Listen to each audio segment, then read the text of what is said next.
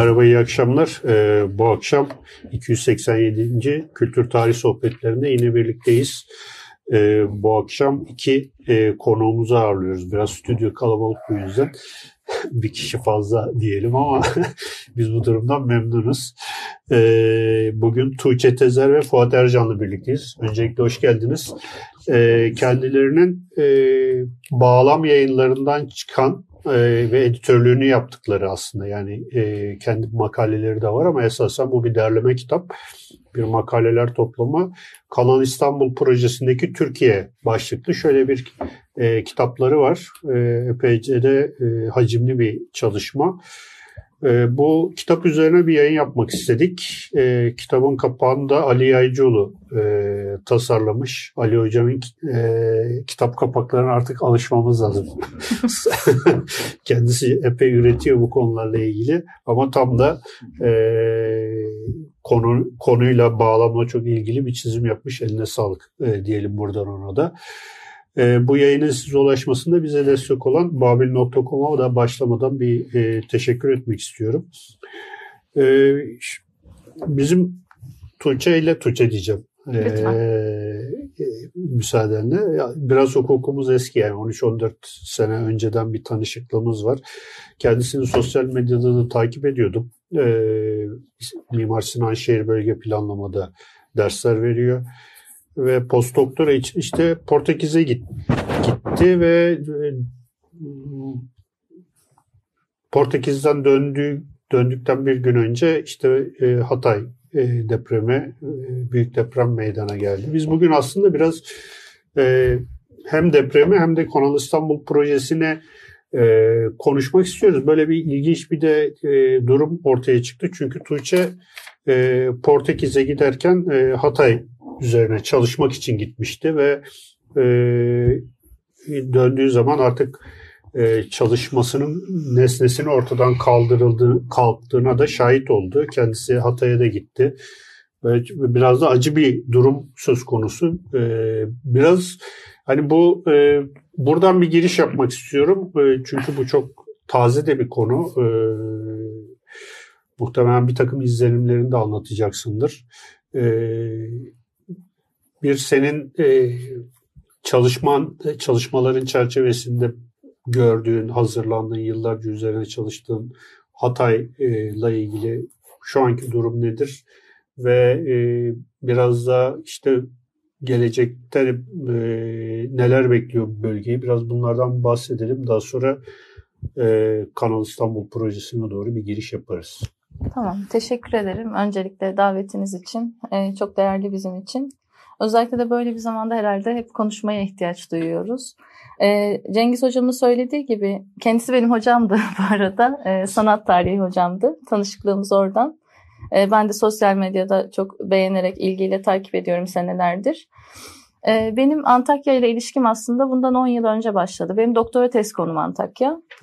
Ee, aslında Antakya çalışmak için doktora yapmaya başladım. Ee, akademiyle ilişkili olacağım çok önceden belliydi ama Antakya'yı bulduktan sonra aslında bir yer olarak, bir şehir olarak e, bir daha başka hiçbir şeye e, bu kadar fazla ilgi duymadım. E, ve bu bir şekilde kendi kendi içinden böyle kendini yeniden yeniden doğuran bir süreç aslında. 2019 ee, yılında ben doktora tezimi tamamladım. Yerleşme tarihine ilgiliyim ben. Şehir plancısıyım, yüksek şehir plancısıyım ama esas olarak kent tarihi çalışıyorum ve kentsel morfoloji çalışıyorum. E, bu e, yerleşme tarihi analizi dediğimiz meselenin aslında farklı katmanları içerecek şekilde nasıl ele alınabileceğini ve bunun da kentin bugününü anlamaya ve ileriye dönük kentin geleceğine dair planlama kararları geliştirmeye nasıl bir veri sunabileceğine biraz kafa yoruyorum ve bunun için de Antakya zaten Hani benim e, özellikle de son bir ayda sık sık söylediğim gibi böyle çevremdeki herkese benim dünya durdukça cennetim olmasının yanında bir taraftan da gerçekten bir şehir plancısının her konuyu çalışabileceği müthiş bir kentten bahsediyoruz. Hala şimdiki zaman kullanmaya gayret ediyorum Antakya ile ilgili. Böyle bir geçmiş zaman kullanmak biraz can yakıcı oluyor. Ee, Antakya'nın tarihini ben 19. yüzyıldan bugüne kadar işte o zaman için 2019'a kadar getiren bir test çalışması yaptım. Orada da kentsel morfoloji ve tarihsel coğrafya e, bilim alanlarının e, bir hibrit yöntemini geliştirmek. Aslında onun hibrit e, bir yöntemin e, bileşenlerini oluşturmasını önerdim. Ve bu yöntemin adına da yerleşme tarihi analizi çerçevesi dedim e, yöntemsel çerçevesi dedim ve bununla Antakya'yı inceledim 19. yüzyıldan bugüne kadar. Fakat e, Antakya ile öykümüz e, o dönem için korktuğum gibi olmadı ve doktora ile beraber bitmedi.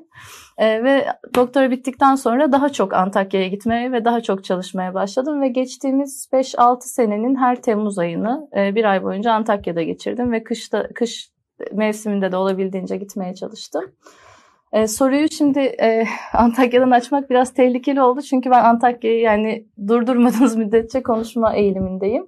Ama kısaca toparlamaya çalışayım. E, en sonda e, bu süreç içinde ben bazı çalışmalar yaptım. Genel olarak da Antakya'nın özellikle de eski Antakya'nın tarihi dokusu üzerine çalışmalardı. Çünkü e, tarihin anlaşılmasını e, hem e, Antakya'nın biliyorsunuz bir de inanılmaz bir kültürel dokusu vardır. Çok nitelikli dediğimiz ve bunun aslında lafta kalmadığı ve hani sokakta yürüdüğünüzde, Kurtuluş Caddesi'nde yürüdüğünüzde bile başka bir havayı soluduğunuz bir kent ruhundan bahsederiz Antakya'da.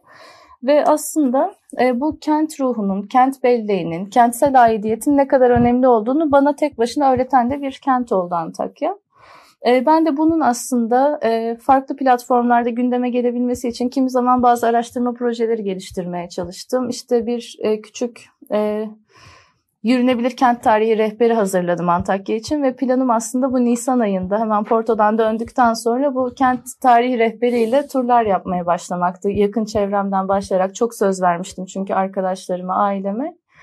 Ee, kısmet olmadı. Ben ileride olacağını düşünüyorum. Ve en sonunda Cengiz Hocam'ın dediği gibi Porto'da e, Antakya'nın çok e, özellikle bir dönemi vardır. Çok e, yönetimsel açıdan çok ilginç bir geçmişi var Antakya'nın ve Osmanlı döneminin hemen bitiminde 20 ee, yıl, 19 yıl Fransız idaresinde kaldı. Sonra 9 e, ay kadar bağımsız Hatay Devleti'nin merkezi oldu ve sonra da Türkiye Cumhuriyeti'ne dahil olup tüm Türkiye'den farklı bir dönemde, tüm Türkiye'nin 20 yıl sonrasında erken cumhuriyet dönemini yaşadığı bir dönemi vardır.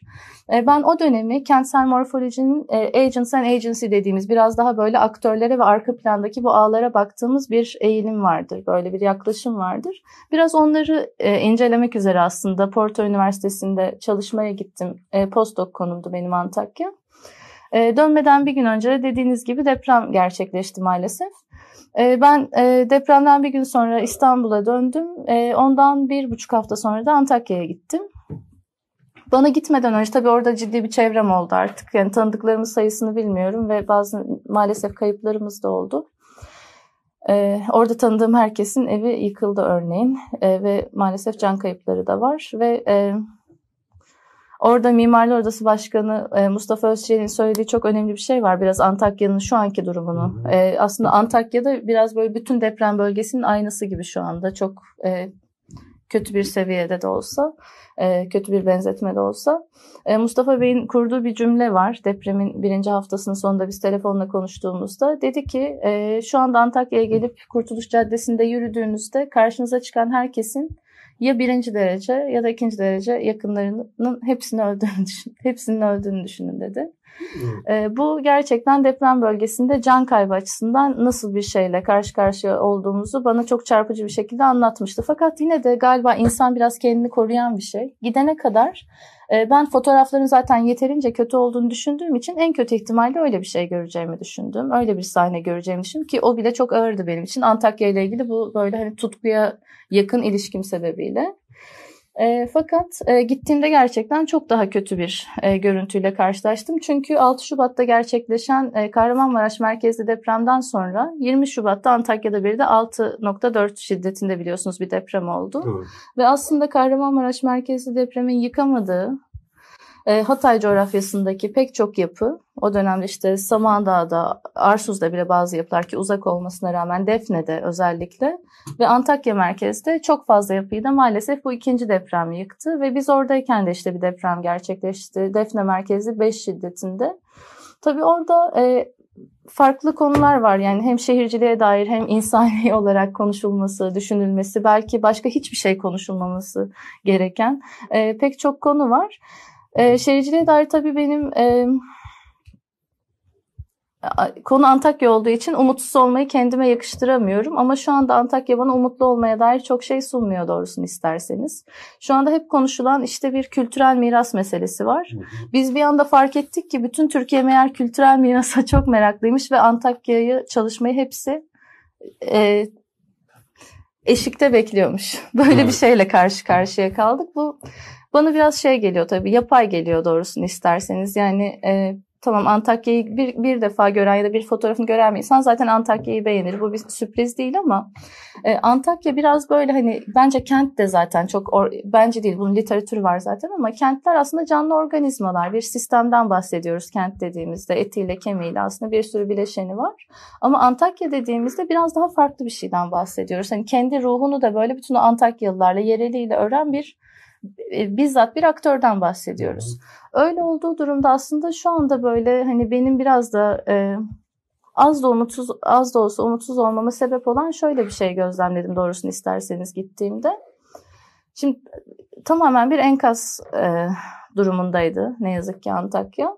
Ama bir taraftan da e, daha önce de üzerine konuştuğumuz gibi altısında depremin gerçekleştiği yerde yedisinde sekizinde bazı mimarlık ofisleri İstanbul'dan Ankara'dan Antakya ve diğer depreme maruz kalmış işte Hatay ve e, çevredeki toplam 11 ilin farklı büyüklükteki kentleri ve kırsal alanları için planlar çizmeye başlamışlar. Şimdi böyle bir durumda aslında e, benim Antakya'ya gitmemin esas sebeplerinden biri yaslarını paylaşmaktı, yasa ortak olmaktı ve başsağlığı dilemekti. Aslında biraz bu hani fabrika ayarlarımız de, dediğimiz şeyleri biraz unuttuğumuzu e, fark ediyorum aslında şu anda çevrem, çevreme baktığımda. Çünkü hani bir e, başsağlığı dilemek, insanların yasına saygı göstermek, ortak olduğumuz, olabildiğimiz ölçüde bir yasın, yasa ortak olmak aslında. Ve sonra gerçekten bu şehirler, dediğim gibi Antakya bizzat bir aktör. Antakya'nın örneğin yeniden ayağa kalkması sürecinde yerel halkın yaralarını nasıl sarabiliriz ve o kentin yaralarını biz işte şehircilik, mimarlık, jeofizik, jeoloji ve buna benzer bilimlerle aslında nasıl destek olabiliriz diye bakmamız gerektiğini düşünüyorum. Yani onların bizim malzememiz değil, aslında bu kentlerin bizim malzememiz ya da bizim performans alanımız değil, aksine destekleyeceğimiz şeyler olduğunu düşünüyorum ben. Galiba bu kadar söyleyebilirim. Şimdi çok da evet. uzattım kusura bakmayın konu Antakya olunca. Şimdi yani bu deprem şey yapmadan e, zaten Kanal İstanbul meselesini çok fazla konuşamayız. E, ben burada e, ikinci soruyu Ozan'a bırakayım. Hocam kitap Kanal İstanbul üzerine, Kanal İstanbul projesi üzerine burada sorulması gereken şey herhalde daha genel bağlamda mega proje nedir? Ee, dünyada örnekleri neler? Bir de bu şehir planlamasıyla ilişkisi nasıl? Genelde dünya dünyadaki ve sonrasında da belki özelde de İstanbul, Türkiye üzerinde bu Kanal İstanbul mega proje evet. nelerdir? Çok e, zor bir soru. Çünkü hani bu e, derlemeyi yaparken 30'a yakın arkadaşımız çok farklı disiplinlerden arkadaşlarımız bir araya gelip oluşturan bir şeydi ama sevgili Tuğçe'nin anlattığı şeyle çok bağlantılı kurarak gitmek istiyorum. İşte mesela e, yaşanan bu depremin olumsuzluklarına bakınca hep sizin e, programlarda izlediğim için hep böyle bir farklı sosyal bilimler içinden giden bir program yapınız var. Ben hep şey Hegel'in bir lafı aklıma geliyor. Sonuç süreçlerin açığa çıktığı bir şey ifade ediyor. Aslında işte Kanal İstanbul o yüzden çok çok önemli. İşte Kanal İstanbul'dan bahsederken tabii ki ilk etapta adım adım gidecek olursak işte e, Cumhurbaşkanı'nın Tayyip Erdoğan'ın rüyamda gördüğüm, hayal ettiğim diye başlıyor. Yani birisinin rüyasını, hayalini yaşıyoruz gibi bir ifade kullanılıyor ama 1900 herhalde yanlış hatırlamıyorsam 1994 62. hükümet programında ilk defa biz mega proje kavramıyla karşılaşıyoruz. İşte bu 60. hükümet programında şey derler diyor. AK Parti'nin alameti farikasıdır mega proje. Şimdi tabii ki birden yani bir e, ben egemen diyorum. Egemenin dilindeki rüyasındaki şeyi e, alameti farikası olarak partiye bakıyoruz. Evet gerçekten de 1900 2010'lardan sonra Türkiye'de yatırım ortamını hızla değiştiğini görüyoruz. Bu bir anda işte mega proje diyoruz ama bir dönem işte çılgın projeler. E, ama şöyle bir şey ilk etapta çok e, e, şeyden başlamak kentsel yaşama değil doğayı da dönüştürecek şekilde büyük yatırım alanlarını içeren e, ve daha önce söylendiği bir küçük projelerin bir araya gelmesiyle oluşan bir şey değildir mega projeler. Önce mega projeler ki bütün dünyada şimdi bir literatür oluştu. Küçük küçük projelerin bir araya gelmesi değil tam tersine devletle sermayenin kendi dönemlerindeki karşılaştıkları krize karşı, problemlere karşı yeni bir dönüşümü ifade ediyor. O yüzden hani ilk etapta benim hayalim, benim rüyam isteseniz de istemeseniz de gerçekleştireceğim dediği inşaata dayalı gibi görünen onu da konuşacağız. Ranta dayalı gibi görünen şey aslında bütün dünyada siyasi iktidarların kaynak yetersizliğiyle sermayenin kendini yenilenmesini açısından kamunun sermayenin kentsel alanlarda kendini yeniden üretmeye yönelik bir e, e, tamamen kamu özel işbirliği adı altında söylenen public private partnership deniyor, 3B deniyor. Bu o anlamda mega projeler içinde, çılgın projeler içinde Türkiye özgü değil. Ama Türkiye özgü yanları var. Ha, bu ikisi çok birlikte kullanmamız lazım. Ve Kanal İstanbul o anlamda AKP'nin alemeti farikası ya da diğer ülkelerde işte Tunus'ta, Ceza birçok dünyanın birçok yerinde mega projeler üzerinden giden bir toprağın gaspı da diyeceğimiz e, toprağın yeniden inşa edilmesi üzerine bir e, zorunluluk içinden giden bir şey ifade ediyor. Orada e, Kanal İstanbul Türkiye'deki yaşanan mega projelerin, 3. Hava Köprüsü, 3. Liman, işte Haydarpaşa Garı ne yapacağız? Onların geldiği bir üst aşamayı da gösteriyor. Şimdi o bir üst aşamayı gösterdiğinde mega projeler dediğimizde sadece ranta dayalı bir işleyiş değil, aslında devlet siyasi iktidarla sermayelerin birikmiş problemlerinin çözülmesi için daha kısa erimli kendi çıkarlarının dile gelişi olan yapılar. O yüzden işte beşli çete deniyor, e, yerel yapılardaki aktörlerden bahsediyor. Burada bir sistemin yeniden üretimi değil, toplumun yeniden üretimi değil, belirli aktörlerin kendi yeniden üretmek için kamu özel işbirliği adı altında plan yerine işte şehir plancılıkları projenin öne çıktığı, projenin belirlediği ve hızla doğrudan uluslararası ve ulusal sermayenin girmediği ama proje dolayısıyla belirli bir yere bir işlev atfederek oraya biz buna şey deriz işte e, forward ve backward yani ileri ve geri bağlantıları kurarak bir yatırım ortamını oluşturmak, kaynak oluşturmak. O anlamda da e, siyasi iktidarın özellikle bunu söylemek gerekiyor. İşte ben mesela bu yaz dönemi işte e, Antakya'ya arkadaşıma gittim. Orada güzel bir mekanı vardı sevgili arkadaş Doğuş'un. Oraları falan görünce şunu şaşırdım. Her yer inşaat alanı. Ha, Türkiye'de şeye baktığımızda inşaat olarak gördüğümüz şey yani programları biraz izlediğim için daha metodolojik olarak bakmak e, anlamlı. İnşaat olarak gördüğünüz şey bir egemenin iktidarın temel tek kararla işte şimdi Kanal İstanbul için onu söyleyeceğiz işte 2022'de seçim programı içinde işte e, şeyler çıktı ilanlar çıktı kararnameyle Cumhurbaşkanının hayalinde olan şey dediğimiz şey birazcık da sermaye ile siyasi iktidarın kaynak arayışının ürünü. O yüzden sadece bir mega proje, sadece bir yatırım, bir teknik bir konu değil.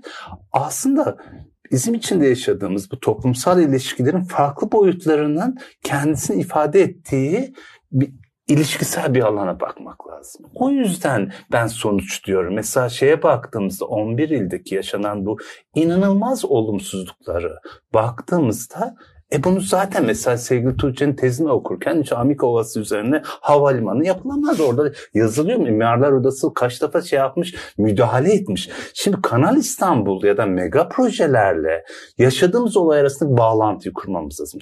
Şöyle bir şey yani böyle birazcık da bu günlerden sizin yazınızda okudum. Bugünlerde düşünmek zor bir şey. Böyle duygusal öfkemiz var yani. Öfkeliyiz bir taraftan da. Çünkü geçmişe baktığımızda işte 11 ilde yaşanan ya o geçmişteki yaşananları biz sonuç olarak karşımızda görüyoruz. Kanal İstanbul tarzı ya da Kanal İstanbul'da yeni yaşanacakların bir göstergesi. O yüzden çok ilginç bir dönem denk geldi. Biz mesela sevgili Tuğçe ile başlarken e, yazısında hani bugün hatta kendi aramızda konuşurken hani Charles Dickens'ın şeyiyle başlamıştık yani gelmiş geçmiş en iyi günlerde onun üzerine çizdik kitapta. Çünkü gelmiş geçmiş en kötü günlerde bugünlerde enleri konuşuyoruz siyasi iktidar ve sermaye gruplarının en en dedikleri projeler bizim yaşadığımız en en kötü zamanlar. Şimdi bu ikisi arasındaki şeyi kurmak gerekiyor. Yani birilerinin en büyük proje, çılgın proje, mega proje dediği şey ve bunu ben 30 yıl kalkınma iktisadı anlatan biriyim. İşte bu kalkınma mantığı içinde anlatılan enlerin sonucunu biz görüyoruz işte. Yani orada şimdi bu son zamanlarda ısrarla üzerine durdum. Eğer deprem üzerine biraz belki onun üzerine gitmek isterim. Yani bir sosyal bilimci, doğa bilimci, temel bilimci arasındaki ilişki nedir? Bugünlerde deprem dediğimde bana iki şey birden benim gündemime alıyor. Acaba doğanın yarattığı etkiyi biz insanlar kendi elimize nasıl onu toplumsal bir afete, probleme çeviriyoruz? Kanal İstanbul öyle. Ben mesela Mimarlar Odası TMOB'un oluşturduğu bilim kurumundaydım benim bilmediğim bir alan, yer bilimciler, jeologlar, işte madenciler, oradaki hafriyatın kaldırılması, oradaki dinamitleri anlatan, hepsi kendi alanında donan insan bazen yer yer gülüyorlardı. Ya bu olur mu? Herkes bile olmaz. Ama iktidarın başındaki ve oradaki sermaye grupları olacak diyor. Ha orada o zaman bir toplumun, bizlerin genel çıkarıyla siyasi iktidarın, sermayenin bugün içinde bulunduğu kısa erimli çıkar arasında bir gerilim hatta yaşıyoruz. Bu gerilim hat patladı şeyde. Ve 40 bini aşan inanılmaz bir süreçte yaşıyoruz. Buraya hani öyle soğuk, e, soğuk e, nevale bilim insanı gözüyle bakamayız. Bu öfke gerekiyor. Bu canımız yanıyor çünkü. Yani orayı yeni gördük. Şimdi mesela Tuğçe geldikten beri konuştuğumda nasıl konuşacağımı bilemiyorum oradaki arkadaşlarımız. O yüzden şunu ısrarla söylemek gerekiyor. AKP'nin alameti farikası ya da onun başındaki iktidarın başındakinin rüyası, hayali değil bu. Bu tam anlamıyla zaman içinde birikmiş endüstrinin, ser, e, sermayenin, kentleşmenin, modernleşme yaşamının, modern yaşamın iç içe geçtiği bir işleyişe ait bir problemle karşı karşıyayız.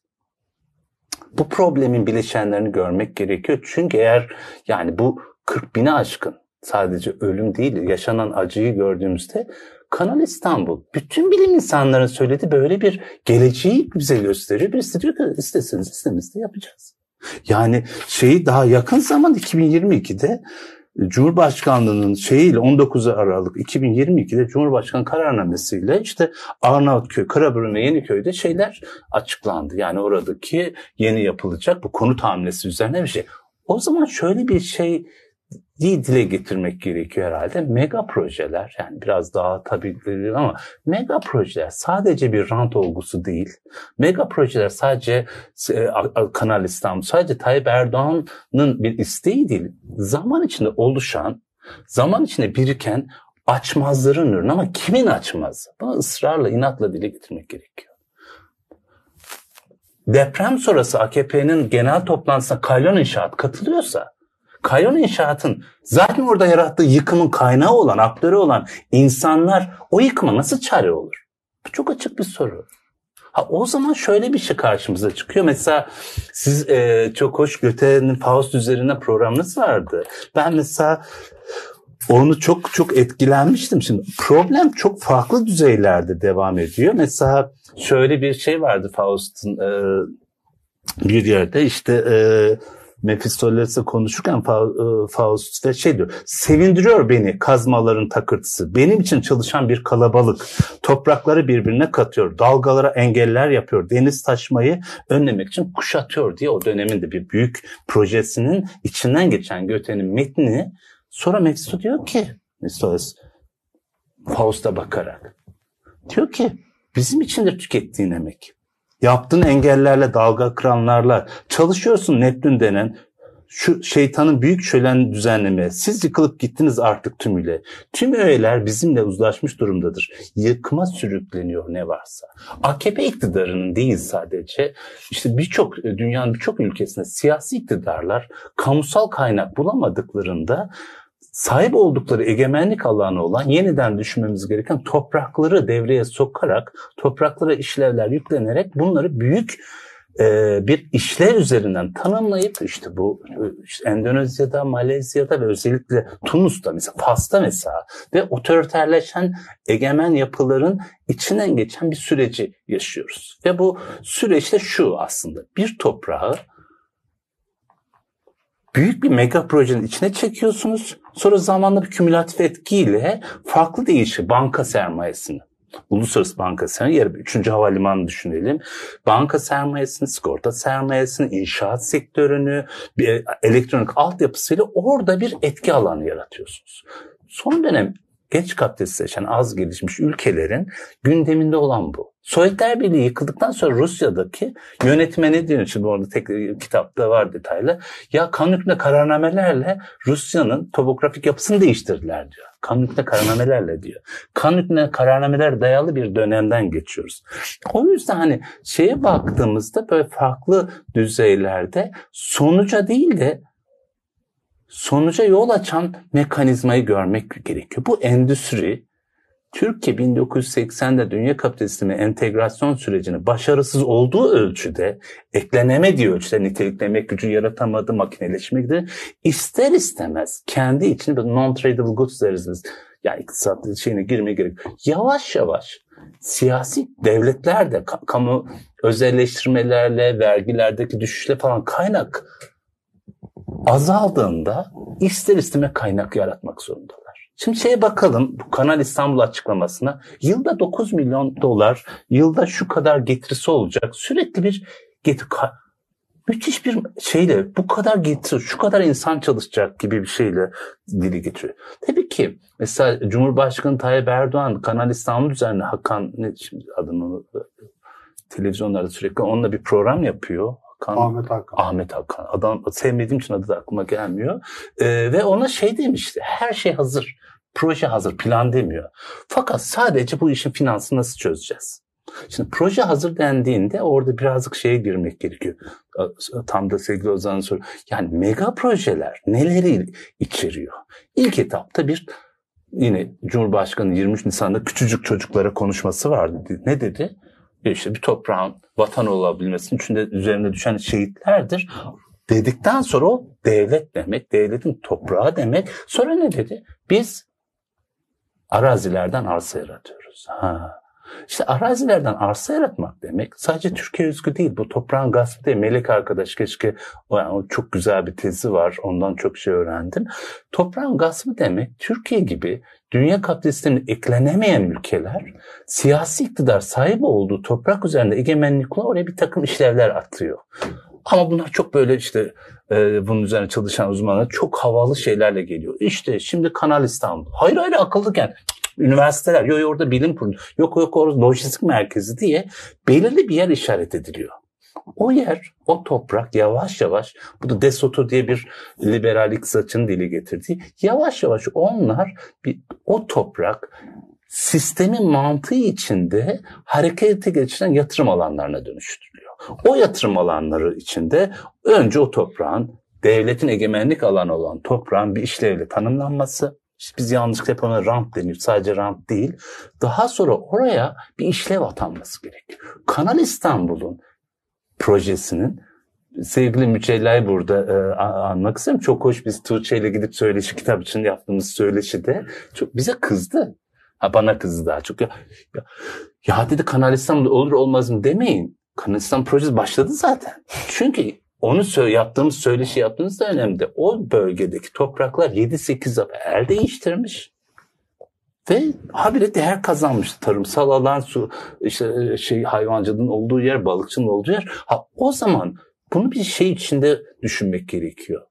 Mega proje zaman içinde değer yaratmanın farklı aşamalarını içeriyor. Zorlu sentra düşünelim. Nasıl farklı aşamalardan geçiyor? Önce oraya bir devlet diyecek buna biz mutlak rant diyoruz. Burası artık sizin etkinlik alanınız olacak. Mülkiyeti dönüştürecek.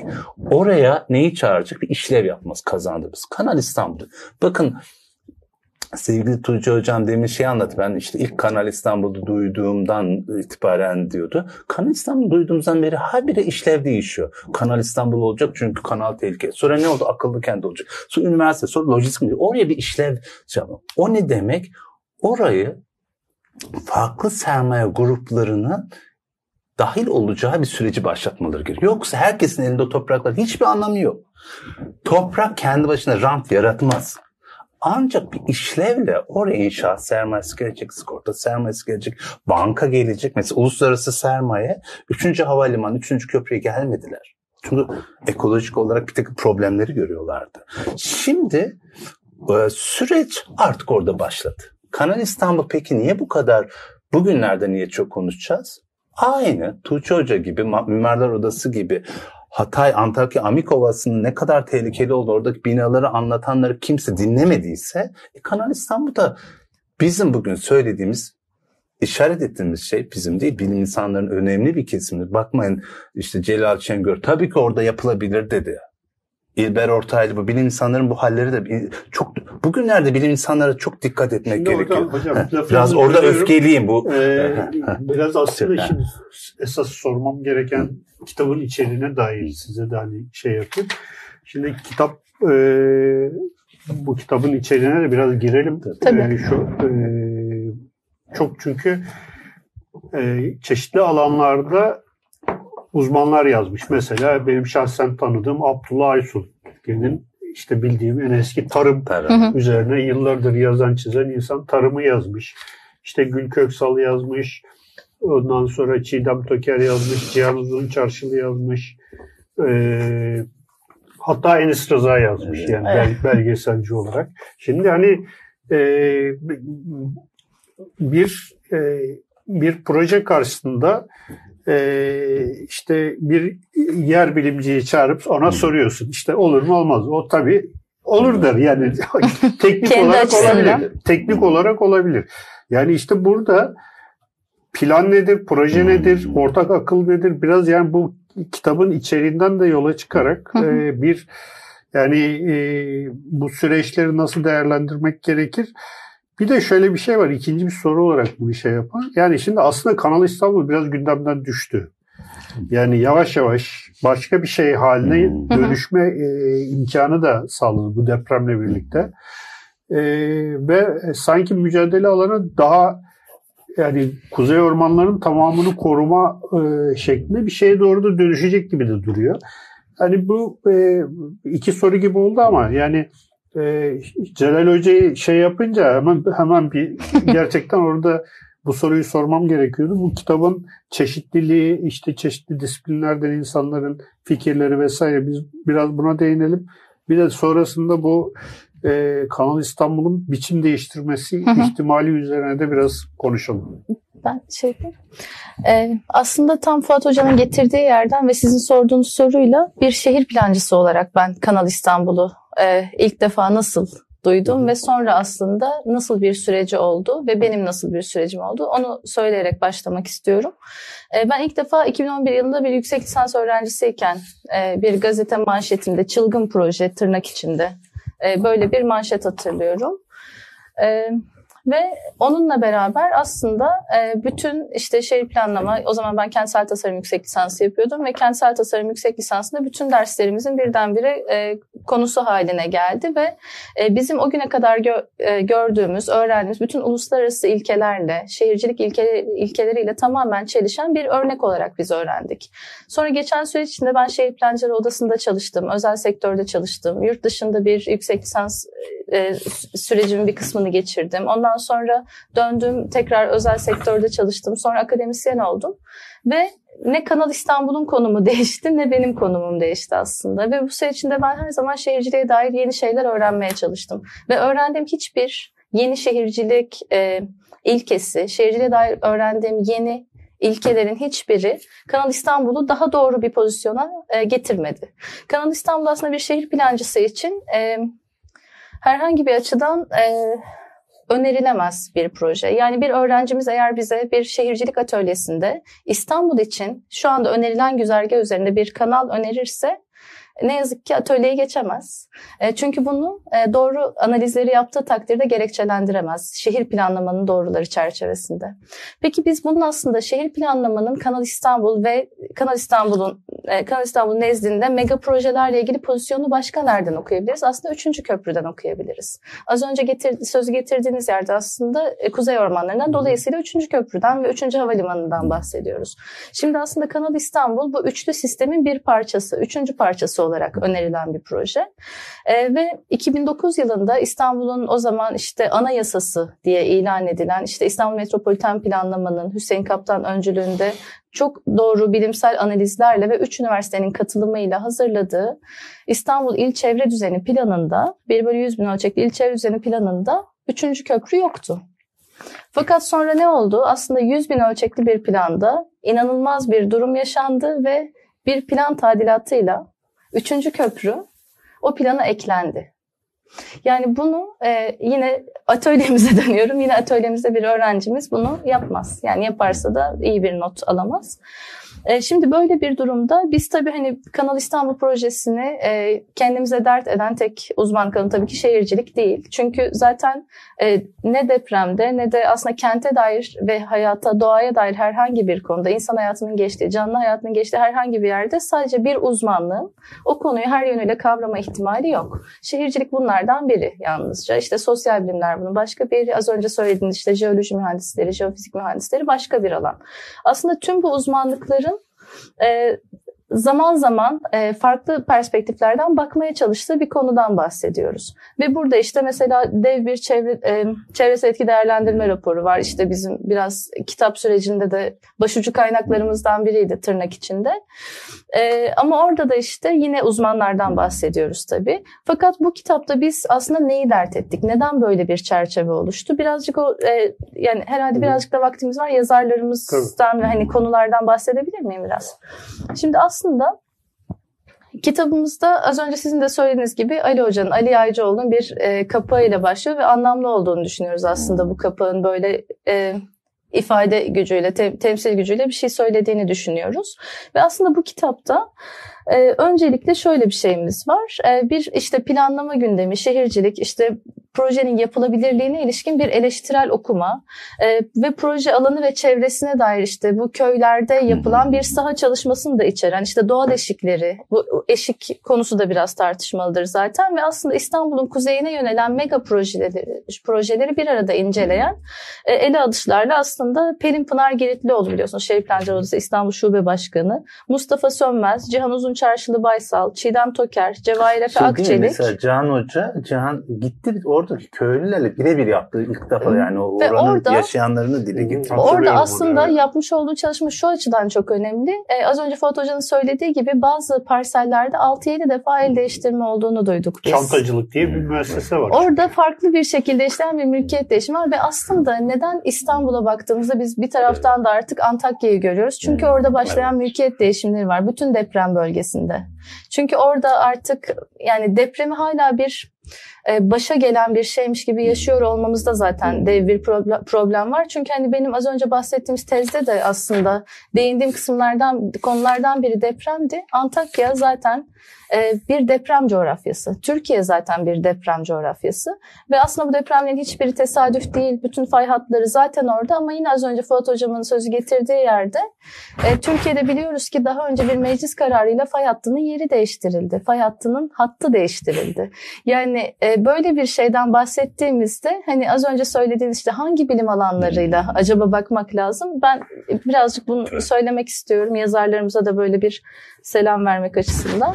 Aslında Mete Durda, Jean-François Perus farklı açılardan yaklaştı. Onun yanında aslında eleştirel... Şeyde şöyle bir mesela Meta Hoca Abi onda e, Dünya Bankası'nda çalışan ve şeyi yaptı yani bunun finansal olarak nasıl kamu e, özel işbirliği üzerinden nasıl olamazlığını yapılabilmezlik verileri etüdü hesapladı. aslında yazısının da ismi bu sebeple. Dolayısıyla aslında burada biraz daha sosyal bilimler alanının farklı açılardan kuvvetini e, bir araya getirmeye çalıştık biz. Farklı açılardan böyle işte mesela işte hukuk ya da kentsel rant ve akıllı kentler ki bundan sonra sık sık tartışacak gibi görünüyoruz. Ya da mesela doğal yapı ve ekoloji, kır-kent ilişkisi, tarımsal üretim, kültürel miras. Bunların hepsi hem kente hem kıra hem de insan hayatına dair, doğaya dair e, konular zaten. Ve sonra işte biraz tabii Kanal İstanbul dediğimiz yerde, mega projeler dediğimiz yerde kentsel mücadele her zaman var. Dolayısıyla az önce söylediğimiz işte mücella yapıcının Evet. e, dahil olduğu bir söyleşimiz oldu örneğin. Enis sahibi de orada devreye girdi. Çünkü Mücella e, biraz Mücella konuşurken ya dedi köprü yapılırken de bir mücadele vardı. O zaman Enis abi söyledi. Biz gittik hemen sağ olsun kırmadı bizi. Enis abi de kendi bu de, devrimci gençlik belgeseli üzerinden o metni yazdı. Evet. evet. Yani biraz böyle çok yönlü aslında bakmaya çalıştığımız zaten biraz hacmiyle de elimizden Evet. geldiğince kotarmaya çalıştığımız şöyle gösterebiliriz. Bağlam yayınları da e, himmet edip basmış. Evet. Böyle bir şeyi basmak da kolay bir şey değil yani. Çok da büyük bir özen gösterdiler Evet, gerçekten evet. bütün o süreçte. Yani çok e, bizim bütün e, kaprisimizi Evet. çektiler Çünkü diyebiliriz şey, galiba. Ali Ağacıoğlu sadece kapak değil içeride de çizimleri var. Evet, evet.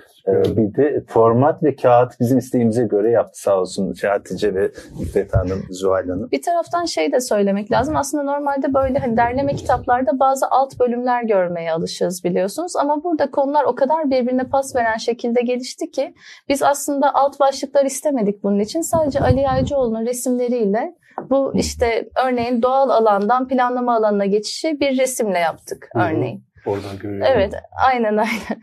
Ee, orada da aslında bunların yani bütün bu kente dair ve işte Kanal İstanbul dediğimizde bir mega proje olarak Kanal İstanbul'a dair bütün konuların uzmanlıklar açısından ne kadar iç içe gel, geçtiğini de aslında temsili olarak da gördüğümüzü düşünüyoruz.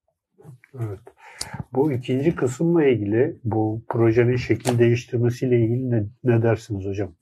Şimdi bu depremden sonra biliyorsunuz e, yani İstanbul depremi de bekleniyor. O zaman biz bu şehri kuzeye taşıyalım. İşte Şile Kandıra hattına taşıyalım. Yok işte e, kuzey ormanlarının işte bugünkü hattı aslında.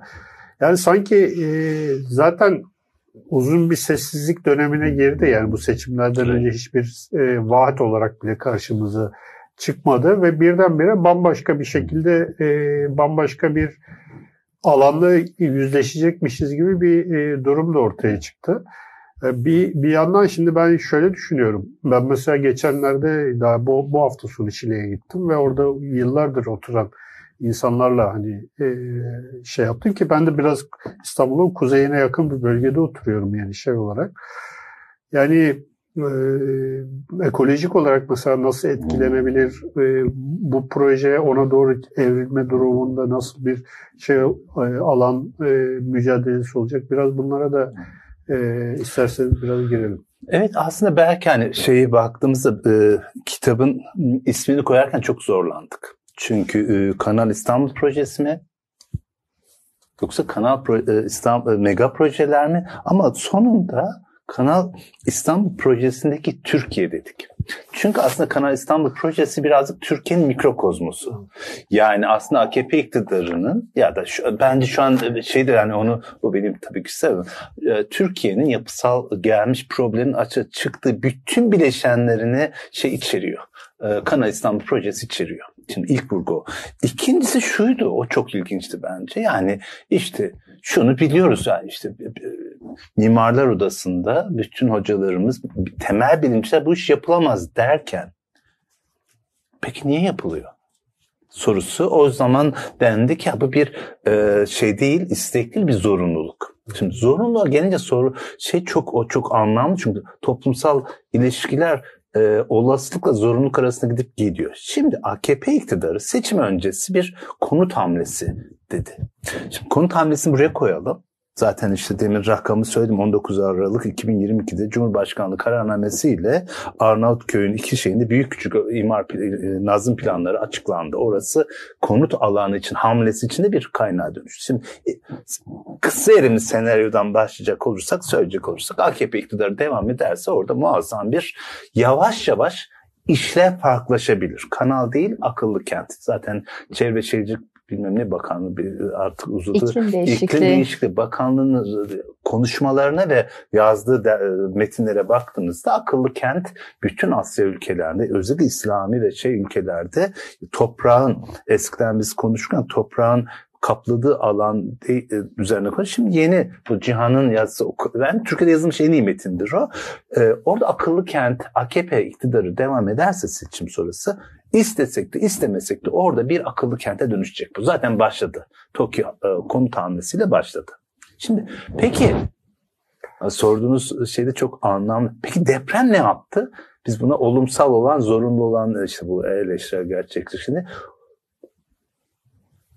bazen e, şey noktaya gidebiliriz. Ama benim gördüğüm artık oradaki diyelim baraj olan yer işte tarımsal alan balıkçılığın olduğu topraklar el değiştirmiş. Şimdi toprak dediğiniz şey çok tehlikeli bir şey. Yani başka bir iktidar geldiğinde oradaki o topraklar ki Diyanet Başkanlığı'nın da şeyi var işte damadın da orada arazi o arazilerin değerlenmesi gerekiyor.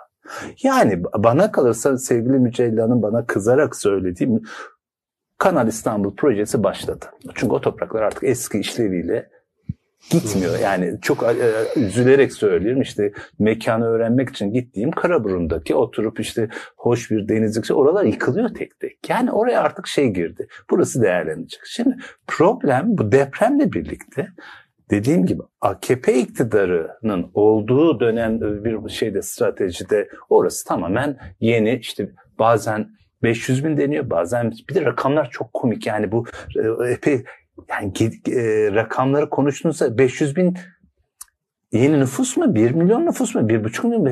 Bütün şeyde bu rakamlar uçuşuyor. Getirisi uçuşuyor. Bir, bir de deprem rıza da üretiyor. Şimdi tabii, mesela tabii, tabii, e, tabii. insanlar mesela İstanbul'da beklenen artık şöyle konuşuyoruz. Beklenen İstanbul depremi. Şimdi bir şey beklemeye başladığınız zaman ee, mesela işte ta, işte büyük çekmeceden başlayın Tuzla'ya kadar olan hatta denizin kenarındaki insanları taşımayı evet. şey yapıyorsunuz. Şimdi insanlar da e, bir rıza da üretiyor Tabii. bu e, korku. Yani mesela burada çok ilginç ben mesela son zamanlarda birazcık bilim insanın kendine felsefesini düşünüyorum. Mesela katılırız katılmayız ama işte Üşüme Soy diye bir uzmanımız var. O çok açık bir şey söyledi söylediği doğrudur yanlış bilmem ama çok tam söyledi. Dedik ya bu deprem olayı İstanbul'da kısa sürede deprem olayını beklerken bir başka bir şey var. Bunu dikkate alın. İnşaat sektörü buraya girmek istiyordu. Herkesi huzursuz etmek için bunu her yerde abarttılar. Deprem beklentisi olanlara bakın dedi şirketleri var falan. Bu şey için söylüyorum. Tam söylediğiniz anlamda aslında şöyle bir şey de yaratıyor. Deprem işte bugünlerde buna şey deniyor işte kapitalizm bir taraftan sermaye birikim ve e, siyasi bir taraftan kısa erimli çıkar için bir şeyler yapıyor. Şimdi deprem için öyle raporlar var mesela e, London School of Economics, London School Economics'te yani siyasi iktidarlar uzun erimli yatırım yapmaz kısa erimli getirileri olan şeyi bekler. Şimdi kısa erimli beklentileri olanların bütün bu bilimsel açıklamalar işte şu deprem olacak hemen yarın olacak sakın konuşmayın dört tane mi bilmem. Şimdi bilim insanların bugün konuş herkes benim apartmandaki insanlar ne olacak hoca diye soruyorlar. Bilmem etmem ama şunu söylemeye gerekiyor. Senaryo depremle birlikte bu olanları İstanbul inanılmaz farklı alanlarda yeniden mesela nasıl bir bina, hangi malzemeyle sistemi yeniden besleyen bir şeyde dönüşüyor. Felaket kapitalizmi. İşte felaket bu yani o ifadeyi bilmiyorum e, çok kullanılacak bu dönem. Yani çünkü bu sistem Schumpeter'in dediği işte e, önce ne yapar biz buna sermayenin değersizleşme süreci başladığında yeniden değerlenmek için yol arar. Kentler öyledir. Kentler kent, bu kent işleyen makinesi diyoruz. Fakat şeye dikkat etmek gerekiyor. Yani bu tamamen bir Cassandra laneti yaşıyoruz gibi geliyor. Bu ne? Hep ya görüyorsun Hatta işte şeyde e, e, deprem bölgesine Ankara Mimarlar Odası Başkanı bir benzetme yaptı. O kadar önemli ki şimdi Kanal İstanbul'la ilgili. Kanal olup olmaması önemli değil o akıllı. Dedi ki bu kırmızı partisi, pazartesi sendromu yaşıyoruz. Yani hepimiz biliyoruz. Şunu biliyoruz yani İstanbul'da şu nüfusu kaldıramayan nüfusu ve şu kadar getirisi var diyor. Bazı iktisatçılar bunu yapıyor. insan üzülüyor. Ben 30 yıl profesörüm bilmem neyim. İktisatçı olmaktan utanıyorum. Yani Kanal İstanbul'un getirisi maliyetiyle götürüsü arasındaki bağlı. Öyle bir şey yok. Sular gidiyor. E, yeraltı suları gidiyor. Doğal tarihsel. Bu, yani bu metnin şey yanı şuydu. Bu Kanal İstanbul yapılamayacak denmesine rağmen atılacak dinamit harfiyat. Ona rağmen yapılıyorsa bunun nedeni ne? Bu çok önemli. Neden? Bunu yapmak niye zorundalar? Bir istek değil, bir zorunluluk, bir çare. Yine sevgili Mücellen'de bir çaresizlik. O çaresizlik yine bahsettiğim gibi bu dönem depremle birlikte birilerinin çaresizliğine çare olacak yol ve yönteme dönüşüyor. Bu çok önemli. Ve insanın canı yanıyor. Buna bir Kürar diye bir öykü yazarımızın Afrikalılar anda bir şey var. Görüyorsun geliyor işte kırmızı pazar. Cinayet işlenecek. Anlatıyorsun kimse sana inanmıyor. İşte eski şey yerlerini işte Afrika yerlerini zehirli bir o kunduzdan koyduk bir zehir vücudunda aldığın zaman her şeyi hissediyorsun, görüyorsun. Canın yapınıyor ama hareket edemiyorsun. Aslında hani öyle bir o anlamda sadece şunu hani e, şey kötümser yanım konuştuğunda seçim sonrası AKP iktidarı olmasa bile bu toprakların iş yeni işlev kazandırması gerekecek. Yani işte e, bu benim kötümser yanım. Bu çünkü bir sistem. Bu bir işleyiş. O topraklar artık balıkçının oradaki tarımsal faaliyetin orman alanından çıkıp 7, 8, 10 el değiştirdiyse biz işte orada gidip işte yorgun kayıkçıda oturduğumuzda oranın yerel insanı ben konuşma hepsi şey diyordu. Ya gitti toprak boşuna keşke bir iki yıl daha bekleseydim. Orada bir şey sistemin virütük varoluşu hücrelere sinmiş orası başlamış. Diyanet işleri oradan arazi almış. Onun değerlenmesi gerekiyor. Bir işlev kazanması gerekiyor. Aslında oradan belki e, şey planlama ile ilgili birkaç evet. şey söylemek iyi olur. E, şimdi aslında e, hocanın anlattığı bütün bu aslında hani neden Kanal İstanbul projesi bize Türkiye'yi de gösteriyor meselesi. Bir taraftan da şehir planlama diye bir şeyden bahsediyoruz. Ben bunu hiç olmadığı kadar çok söylemek istiyorum. Çünkü şu anda e, yokmuş gibi davranılan bir meslek alanından bahsediyoruz. İşte 24 Şubat'tan beri işte yeni kararnameyle. E, işte konut alanları planlanacak deniyor ama planlama prosedürlerine gerek yok deniyor aynı kararname içinde. İşte örneğin İstanbul içinde biliyorsunuz 1,5 milyon yeni konut alanı e, bahsi geçti. İşte bakanlıkta da e, dile getirildi ve bunun içinde İstanbul'un kuzeyi işaret edildi. Peki aslında tam da bu sistemin kararnameyle beraber dışına çıkarılan aslında dış, dışında bırakılan şehir planlamada nasıl bir sürecimiz var bizim normalde. E, aslında biz öncelikle e, bir analiz yaparız. Az önce bahsettiğimiz bütün bu işte yerleşilebilirlik analizleri e, toprak altı suyunu da içerecek şekilde işte bütün bu güneşlenme analizleri, topografya analizleri, jeo, jeo, e, jeoloji, jeofizik mühendislerinin yaptığı analizler, e, işte neler olabilir, rüzgar yönü vesaire bütün bu analizleri yaparız ve ondan sonra bazı e, kademeler belirleriz. Aslında yerleşilebilirliğe uygun alanları belirleriz. Ve ondan sonra e, bu yerleşimin e, ne şekilde gerçekleşe, gerçekleşeceğine dair parametreler belirleriz. Ve burada da aslında bazı projeksiyon e, verilerimiz olur. Projeksiyon nüfus olur örneğin. Ama şimdi burada 1,5 milyon diye bir şey var. Burada ortalama bir e, e, ne deniyor? Riskli yapı tespitinden bahsediliyor. Ama bu hmm. e, veri şu anda ortaya çıktı. Ondan sonra bu konutların taşınması için bazı şeyler belirlenmiş, kademeler belirlenmiş. İşte 500 bini bir yere taşınacak, 500 bin bir yere, 500 bin de yerinde dönüşecek gibi. Ee, ve biz aslında biliyoruz ki İstanbul zaten nüfus açısından taşıma kapasitesini çoktan doldurmuş bir şehir. Kanal İstanbul'la ilgili bu e, ne yazık ki işte Türkiye'nin güneydoğu ve güney bölgesinde gerçekleşen işte 37. günündeyiz. Daha hani 40 40 günü tamamlayamadan şu anda konuştuğumuz konular bunlar aslında. Ve e, orada gerçekleşen depremin aslında hepimize gösterdiği e, şeylerin hani bütün bu e, felaket senaryolarının yanı sıra bir taraftan da şöyle bir şey oldu. Bu deprem gerçekleşmeden hemen önce aslında bizim Kanal İstanbul'la ilgili ve bu e, olası önerilen Kanal İstanbul'la beraber önerilen konut alanlarıyla ilgili söylediğimiz şey neydi? İstanbul'un zaten nüfus kapasitesini çoktan aşmış durumdayız doğal kaynaklarla beraber ve burada zaten bir konut fazlası var. Şehircilik eğitiminde bize Yıldız Teknik Üniversitesi'nde hep anlatılan şey İstanbul'daki mevcut fazla konut şu anda Ankara'yı misafir edebilir durumda denirdi. Şu an biraz daha o dengeler şüphesiz değişti çünkü başka göç hareketleri oldu vesaire. Fakat şu anda e, depremle beraber ne oldu? Dayanıksız konut, riskli konut dediğimiz başka bir kategoriden bahsettik ve tam sizin söylediğiniz gibi şu anda artık Kanal İstanbul projesi derken e, kanalın kendisinden bahsetmez hale geldik ve doğrudan konut alanlarını konuşur hale geldik. Ve burada e, bu sürecin e, içinde dikkat ettiyseniz planlama herhangi bir aşamada yok. Evet.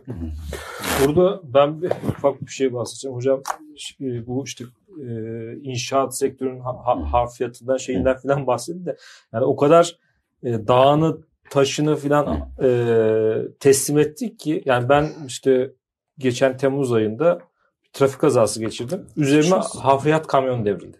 Toprağıyla beraber. Evet. Yani bir trafik kazası geçirmedim aslında. İstanbul kazası yani şehri teslim yani şehir aslında her şekliyle yani trafikte gidiyorsunuz. Tem'de işte şeyin orada Büyükçekmece Gölü'nün orada tam Hezarfen Havalimanı'nın o hava havaalanının orada. Üzerime kamyon devrildi ve e, e, durduk yere devrildi yani. Yüksek hızdan dolayı devrildi. Fren yaptı filan öndeki harfiyat kamyona çarpmamak için. E, şimdi mesela şeyle uğraşıyorum. E, beni hastaneye kaldırdılar ettiler filan. Orada kimse olmadığı için polisler e, beni suçlu gösteren bir rapor tutmuşlar filan.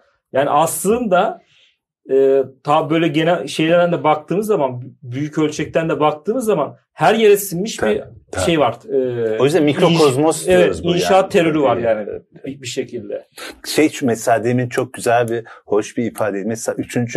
havalimanının açılışında bir tane e, gö- görüntü vardı. İnanılmaz bir şeydi o işte böyle hem birisinin rüyası hem de aslında başkalarının rüyası. Orada o kesişim alanlarına bakmak lazım. 1453 hafriyat kamyonu orada dizilmişti. Şimdi Kanal İstanbul, şimdi e, tam da e, yaşadığımız olaylar çok ilginç. Cevahir'in yazısı geldi. Evet, Cevahir'in, Cevahir evet, evet. yazısı geldi. Menderes dönemi bir de yani iktidarın Fethetmeye doyamadığınız şehir diye. Kendisini de şahsen tanıyorum. Ee, Buradan da bir selam. Şimdi bir e, State and Development dersinde bir derste böyle tam da o dönem yine e, Tuğçe'nin söylüyor Kanal İstanbul muhabbeti. İşte birisi işte 6 kişi doktora sınıfı bir arkadaş dedi ki ya çılgın proje bu kim yapacak falan. Çok sevdim şimdi arkadaşım dostum oldu orada bir diğer öğrenci doktora öğrenci. Öyle deme dedi. Babam üç tane firma kurdu. Ne firması dedim? Hafriyat. Şimdi aslında bu biz hani iktisat bu çarpan, hızlandıran kavramları vardır. Eğer siz esas problemin arkasında şöyle bir şey yapıyor. Türkiye'deki sermaye birikimi ve siyasi iktidar 1980'de dünya kapitalizmi eklemlenmek için bütün olanakları yarattılar. Buna yelken açılma deniyor. Fakat dünya kapitalist sisteminde o ringde oynayabilmenin gerekleri, gerekçeleri vardı. İşte birim zamanda sermaye getiri oranı, verimlilik yani iktisadi kategoriler var. Türkiye sermayesi ve siyasi iktidarı özellikle Kemal Derviş'in açtığı pro o yüzden CHP orayı çağırdı. Şimdi onlara girmeyelim. Buna birbirini besleyen şeyler. Ee, Türkiye sermayesi ve siyasi iktidarı dünya kapitalist sisteminde birim zamanda sermaye hasıla oranı, makineleşme, teknoloji, nitelikli emek gücü hani beşeri sermaye dediğimiz şeyi başaramadığı ölçüde yerine getiremediği ölçüde siyasi iktidar, bütün siyasi iktidarların seçeceği yol şu buna ben dolaylı e, aslında çürümeye yürüyen e, dolaylı yol diyorum. Bu sefer sahip olduğu toprağın egemenlik alanını hızla devreye sokuyor ve dolayımlama başlıyor. O dolayımlama şu. Üçüncü havalimanı, üçüncü köprüyü aç, ihale, ikisi bir, komple bir projeydi. ihale olmadı, parçaladılar. Uluslararası sermayeden e, şey gelmedi. Sadece fizibilite raporunu hazırlamıyorsun. Ne oldu? Yerel banka ve yerel e, kamu bankalarına finans. Ama gittiğimizde Yine sağ olsun sevgili Mücella Hanım var. Ya git de 3. havalimanına. Bütün elektronik alt sistemi falan uluslararası sermaye dolaylı bir şekilde giriyor. O zaman siyasi iktidar yani Tayyip Erdoğan ve arkadaşlarının Beşli Çete'nin problemi birazcık yani ısrarla ben oraya çevirmeye çalışıyorum. Birazcık Türkiye'nin yapısı olarak geldiği tarihsel olarak birikimli problemlerinin bir aşamasını ifade ediyor. O yüzden o yüzden ısrarla Kanal İstanbul projesi demedik. Kanal İstanbul projesindeki Türkiye o bir mikrokozmos. Bütün problemlerin birleştiği bir şeyi ifade ediyor. Mesela Pınar Hoca'nın yazdığı şey artık plan yok. Hani proje var. Önce proje belirleniyor. Projeye uygun dönüşümler oluyor. Ve bir uzmanlık alanına sıkı sıkı bağlı olanlar şaşırıyor bu sefer. Olamaz. Bizim yani bir a, a, a, hukukçu profesörümüz vardı. Anayasa hukukçu sürekli bu barış imzası sürecinde yok atamazlar diyordu. Atamazlar. Atıldık hala şey diyordu. Atamazlar. Şimdi mesleki şey de var yani. Nasıl atarlar diye yani. Hukuksal olarak mümkün değil ama yani işte e, şehrin planı var, projesi var ama birisi çıkıp diyor ki isteseniz isim. Sadece iki tane şey yani bu olanak ben pek de fazla dağınık konuşamayız. Sadece iki şeyi gündeme getirmek lazım. Bir bu sadece Tayyip Erdoğan ve arkadaşlarının bir problemi değil. Bu Türkiye'nin içinden geçtiği 1980'lerden günümüze gelen birikimli sanayinin, endüstrinin, nitelikli emek gücünün kapitalizm açısından onun açığa çıktı bir yapı. Yani demin onun yüzden aldım. Göte'nin Faust'ta ben bir şeyleri yapıyorum değil. Birileri bir şeyler bir şeyleri yaptırtıyor. O yüzden bir şey e, egemenliğe bir çok güç atfetmemek lazım. O çaresizliğin ürünü. Bu çok açık. İkincisi olay sadece baktığımızda işte şimdi deprem sonrası hep aynı şey dile getiriliyor. Ben Van depremi üzerine o zaman gönüllü orada ders veriyordum. Japonya'daki bir deprem şey çağırdılar. Bir Van depremi çalışıp gittim. Orada da herkes şu deprem oldu kaynağı kim? Mesela geçen konuşurken işte Antakya'daki mimar arkadaşlar gece evlerini tutukları gözaltına aldılar. Acaba mimarlar mı? Acaba inşaatçılar mı? Acaba o mesela bir programa Japonya'dan geldiğimizde bir programa çağırdılar. Van Belediyesi'nde olan farklı partilerdeki insan birbirlerini suçluyorlar. Hayır. Bu bir işleyiş. O inşaat için inşaat malzemesi üreten bir endüstri var. O inşaat malzemesini orada gerçekleşmesi için bir belediyenin yerel yönetim şey. Şu hep birbiriyle bağlantı. Tam da o yüzden şey çok önemli. Göte'nin Faust'taki kurdu o şey der metabolizmayla bir metabolizma bir de metamorfoz var. Türkiye'de yaşanan metabolizmi bu metamorfozu yaşatıyor endüstrisi, sermayesi, bilim insanıyla böyle bir ve bunun altyapısını kuran da İlber Ortaylı gibi hocalar. Yani onlar da çok suçlular bu. Çok açık konuşuyorum. Yani bu, bu bugünlerde çok öfkeli konuşmak lazım ama topu taca atmadan bu bir işleyiş. Türkiye dünya kapitalist sistemine çıkmak istedi. Kemal Derviş'in programı ve antikapitalist bir savundu. Ama AKP iktidarı geldi genel bir şeyle ve o açmazları kendisi için mesela Kemal Derviş şey diyordu hep bunu söylerim. Biz sahayı ayarlayacağız, siz gol atacaksınız.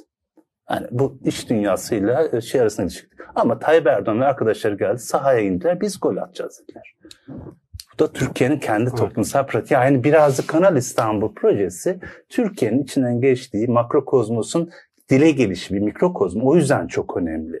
Ve o yüzden AKP iktidarının Tayyip Erdoğan ve arkadaşlarının isteseniz de istemeseniz de ifadesi bir güç ifadesi değil, bir zorunluluk, bir çaresizlik ifadesi. Çok uzattım kusura Estağfurullah hocam. Yavaş yavaş toparlayalım. Ee, Ozan senin sormak istediğin bir şey var mı? Hocam çok kısa e, son olarak söylemek istediğiniz bir şey varsa alalım. Sonra da yavaş yavaş kapatalım. Ee, ya ben şimdi aslında hani hem Kanal İstanbul projesindeki Türkiye dedik. Aslında bu kitapta örnek aldığımız Kanal İstanbul'la biz bütün Türkiye'yi görüyoruz. Ama bir taraftan da ne yazık ki 37 gün önce deneyimlediğimiz depremle yine Türkiye'yi görüyoruz aslında her açısıyla. Ee, ben oradaki herkese başınız sağ olsun demek istiyorum. Yakınlarını kaybeden herkese başınız sağ olsun demek istiyorum ve umuyorum e, oradaki yerel halkın özellikle e, belirleyici olduğu süreçlere şahit oluruz. E, orada mülkiyetlerin değişmediği, istenmeyen göçlerin gerçekleşmediği ve orada yıkıma uğramış tüm kentlerin ve kırsal alanların yerlisiyle beraber, yerel halkıyla beraber yalnızca uzmanların desteğine, gereksinim duydukları ölçüde desteklenerek e, kendi istedikleri gibi oradaki yerel kültürü de tekrar görebileceğimiz, yerel ekonomiyi tekrar yaşatabileceğimiz hayatların kurulduğunu umarım hep beraber şahit oluruz. Hocam senin Valla sizin e, sorunuzda olan şey o cevap vereyim. Yani Türkiye'de bir başladı. O da hani İstanbul üzerine aslında bir uzun süredir devam eden kuzey ormanlarındaki böyle bir yeni yatırım alanı var. Yani burada bilim insanları bence çok çok çok dürüstçe davrandılar. Yani epey bir açıklama yapıldı. Bu yapılmamalı bu şeyde.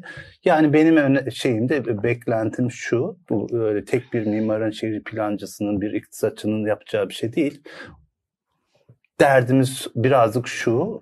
Olguları göstermeye çalışıyoruz. Birileri de algıları değiştiriyor. O bölgede yaşayan insanların, Türkiye'deki işte zaten Mimarlar Odası, Şehirciler bu çok uğraşıyorlar. Çevre Mühendisler Odası. Hani hep birlikte gelen işte Kırmızı Pazartesi, ya İstanbul'da bu yapılırsa sonuç kötü olacak diyenlerin bir araya gelerek çapraz dayanışma ağlarıyla artık hayır diyebilme olanağı olsun. Yani bir ben ne bileyim işte 30 yıllık bir profesör Fuat çıktığında konuştuğunda kimse onu dinlemesin. Oradaki problemleri yaşayanlarla birisi konuşuyorsa Mücella gibi işte şey bizim arkadaşlarımız Can gibi, e, Tayfun gibi o yüzden içerideler. Yani sorunları dile getirenlerle sorunun kendisi buluşması gerekiyor. Yoksa sonumuz ben istedim öyle oldu değil bu bir işleyiş. Ve ne yazık ki yani düşünsenize son 20 yılda yaşadıklarımızı bir düşünün. Tamamen birilerinin çıkarı üzerine yanan, kaybolan hayatlar, şeyler ve yani tarih, güncel yani o yüzden birazcık artık bugünlerde onu ya bu çok birazcık kendi kendime eleştiriyor. Yani bilim insanlarının gösterdiği yer değil. Bilim insanların gösterdiği yerdeki problemi yaşayanlarla birlikte olacak bir katılımcı, alternatif bir, bir, bir platform olması gerekiyor. Kanal İstanbul'a hayır diyenlerin bir şekilde buluşması ben düşünerek diyorum bir vatandaş olarak, birisi bir mühendis olarak ama bir de orada ya mesela satalım burayı, işte, gelir elde edelim diyene ya arkadaşım sen burada artık yaşayamayacaksın. Bir de sadece sana senin şeyin değil bu. Bak burada bütün su ortamı İstanbul'un su barajı tarımsal alanları gidiyor. Bunu düşün. Yani algılara karşı olguları ve onu yaşayanların bir araya gelmesi gerekiyor. Yani yoksa bu sosyal medyadaki bizim kurduğumuz şeylerin çoğu da bir, bir sosyal medyanın inanılmaz böyle cilalanmış insanları çıkıp sürekli biz cahiliz çünkü öyle oldu. O kadar üzülüyorum ki. Onun yerine sorunu yaşayanlar mesela Antakya için o bölgedeki insanların örgütlü bir şekilde taleplerinin dile getirilmesi gerekiyor. Mehmet'in, Ahmet'in, Leyla'nın gelip hadi sizi ben buraya yeniden yapılacağım değil. Hayır, onun yaşadığı yeri ama onunla birlikte onun uzmanlığı olan insanların bu e, ben sıkça ifade ettiğim su mücadelesi Hindistan'da gördüm. Çapraz dayanışma ağları deniyor. Yani o sorunu yaşayanla sorunu düşünen, sorun üzerine kafa yoran, duygusal etki olanların bir araya geleceği platformlara ihtiyaç var. Umarım evet. o platformlar olur. Hocam çok teşekkür ederiz. Ee, 287. yayınımız burada sona eriyor. Bugün e, Fuat Ercan ve Tuğçe Tezer e, konuğumuzdu kendilerinin bağlam yayınlarından çıkan Kanal İstanbul projesindeki Türkiye kitabı üzerine şöyle biraz parlıyor. Onu jenerikteki arkadaşlar tekrardan görsel olarak paylaşırlar. E, bu kitap üzerine bir e, derleme kitap üzerine bir yayın yaptık. Aslında bu yayın biraz da böyle e, depremin de konuşulduğu bir yayın oldu. E, Tuğçe'nin söylediği şeyi buradan tekrarlayalım. E, hepsi e, deprem bölgesinde ölen herkese başsağlığı diliyoruz ve yakınlarına da sabır diliyoruz. E, yayınımız burada sona eriyor. Bu yayının size ulaşmasında bize destek olan babil.com'a tekrar bitirmeden bir teşekkür ediyoruz ve iyi akşamlar diliyoruz.